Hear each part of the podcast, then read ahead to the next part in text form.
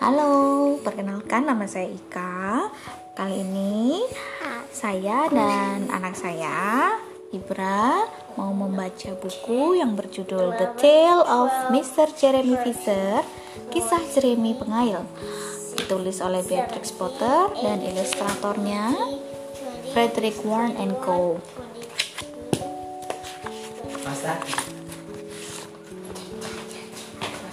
Dulu ada seekor katak bang, namanya Jeremy Pengail. Kataknya tinggal di rumah yang kecil di antara bunga-bunga buttercup yang warnanya kuning di tepi kolam. Airnya menggenangi lantai seluruh rumahnya, tapi Pak Jeremy senang kakinya basah. Tidak ada yang mengomel dan Pak Jeremy juga tidak pernah pilek. Ini ikan? Iya, Ikan. Pak Jeremy gembira ketika membuka pintu dan melihat tetes hujan besar-besar jatuh ke kolam. Apa ini? Cacing. Aku akan mencari cacing dan pergi memancing dan menangkap ikan untuk makan malamku, kata Pak Jeremy pengail. Kalau aku mendapat lebih dari lima ikan, aku akan mengundang sahabat-sahabatku, Pak Elderman si penyu dan Sir Isaac Newton kadal.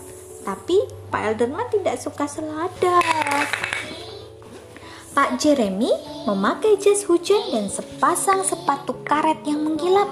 Dia mengambil kail dan keranjangnya dan berangkat dengan lompatan jauh ke tempat perahunya. Perahunya bundar dan warnanya hijau, sama seperti daun teratai. Perahu itu ditambatkan pada tanaman air di tengah kolam. Pak Jeremy mengambil sebatang tongkat ilalang dan mendorong perahunya ke air terbuka. Aku tahu tempat yang banyak ikan minonya, kata Pak Jeremy pengail. Pak Jeremy menancapkan tongkatnya ke lumpur dan menambatkan perahunya ke tongkat itu. Kemudian dia duduk bersila di atasnya. Aduh. Aduh, Ya. Dan Pak Jeremy mengeluarkan peralatan mengailnya. Dia punya pelampung merah yang kecil. Tangkai kailnya adalah batang rumput yang keras. Talinya rambut putih panjang kuda. Lalu Pak Jeremy mengikatnya, mengikat seekor cacing kecil yang menggeliat pada mata kailnya.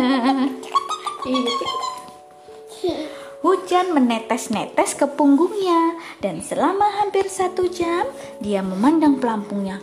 Lama-lama bosan juga ya. Aku mau makan dulu ah, kata Pak Jeremy pengail. Dia mundur lagi ke antara tanaman air dan mengeluarkan makan siangnya dari dalam keranjang. Aku mau makan roti lapis isi kupu-kupu dan menunggu sampai hujan reda, kata Pak Jeremy. Mana puputan itu? Seekor kembang air besar berenang di bawah Mama. teratai, daun teratai dan menjepit ujung sepatu karetnya. Pak Jeremy menarik kakinya ke tengah daun di luar jangkauan si kumbang. Hei lihat ada kumbang dan meneruskan makan rotinya. Sekali dua kali ada yang bergerak, berkeresek dan juga ada cipratan air.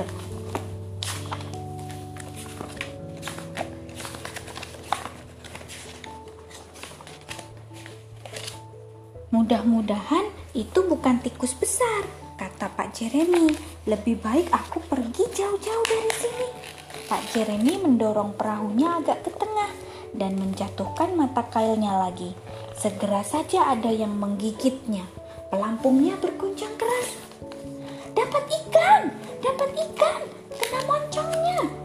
Seru Pak Jeremy seraya mengentakkan tangkai kailnya. Tetapi sungguh mengejutkan, bukan ikan mino gemuk yang didapat, melainkan Jack Shark, seekor ikan besar yang punggungnya berduri. Ikan berduri itu menggelepar-gelepar di atas perahu, menusuknya dan mengatuk-ngatukkan mulutnya sampai hampir kehabisan napas. gitu ya. Iya. Kemudian dia melompat kembali ke dalam air. Serombongan ikan kecil lain menjulurkan kepala mereka ke permukaan air dan menertawakan Pak Jeremy. Dan sementara Pak Jeremy duduk putus asa di tepi perahunya, seraya mengisap jarinya yang tertusuk dan memandang ke dalam air. Hal yang jauh lebih buruk terjadi. Hal yang benar-benar mengerikan. Seandainya saja Pak Jeremy tidak memakai jas hujannya. Seekor ikan forel yang luar biasa besar muncul. Piur! Menyambar Pak Jeremy dengan sekali katupan mulutnya. Au! Au! Au! Dan kemudian ikan itu berbalik dan meluncur menyelam ke dasar kolam. Tetapi ikan forel itu sangat sebal dengan rasa jas hujan yang tidak enak, sehingga dalam waktu kurang dari setengah menit dia meludahkannya dan berhasil ditelannya hanyalah sepatu karet Pak Jeremy. Pak Jeremy menyembul ke permukaan air seperti gabus dan busa air soda yang memancar dari dalam botolnya dan dia berenang sekuat tenaga ke tepi kolam.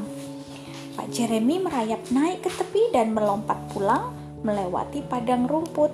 Jas hujannya robek. Untung saja bukan buaya, kata Pak Jeremy. Aku kehilangan kail dan keranjangku, tapi tidak apa-apa karena aku tidak berani pergi memancing lagi. Dia menempelkan plester pada jari-jarinya yang luka. Kedua temannya datang untuk makan malam. Dia tidak bisa menawarkan ikan kepada mereka karena dia tidak punya makanan lain di tempat penyimpanan makanannya. Sir Isaac Newton memakai rompinya yang keemasan bebercak hitam. Dan Pak Elderman membawa selada dalam keranjang tali. Alih-alih makan ikan, mereka hanya makan belalang panggang dengan saus kepik. Bagi kodok itu makanan yang amat lezat. Ceritanya gimana bang?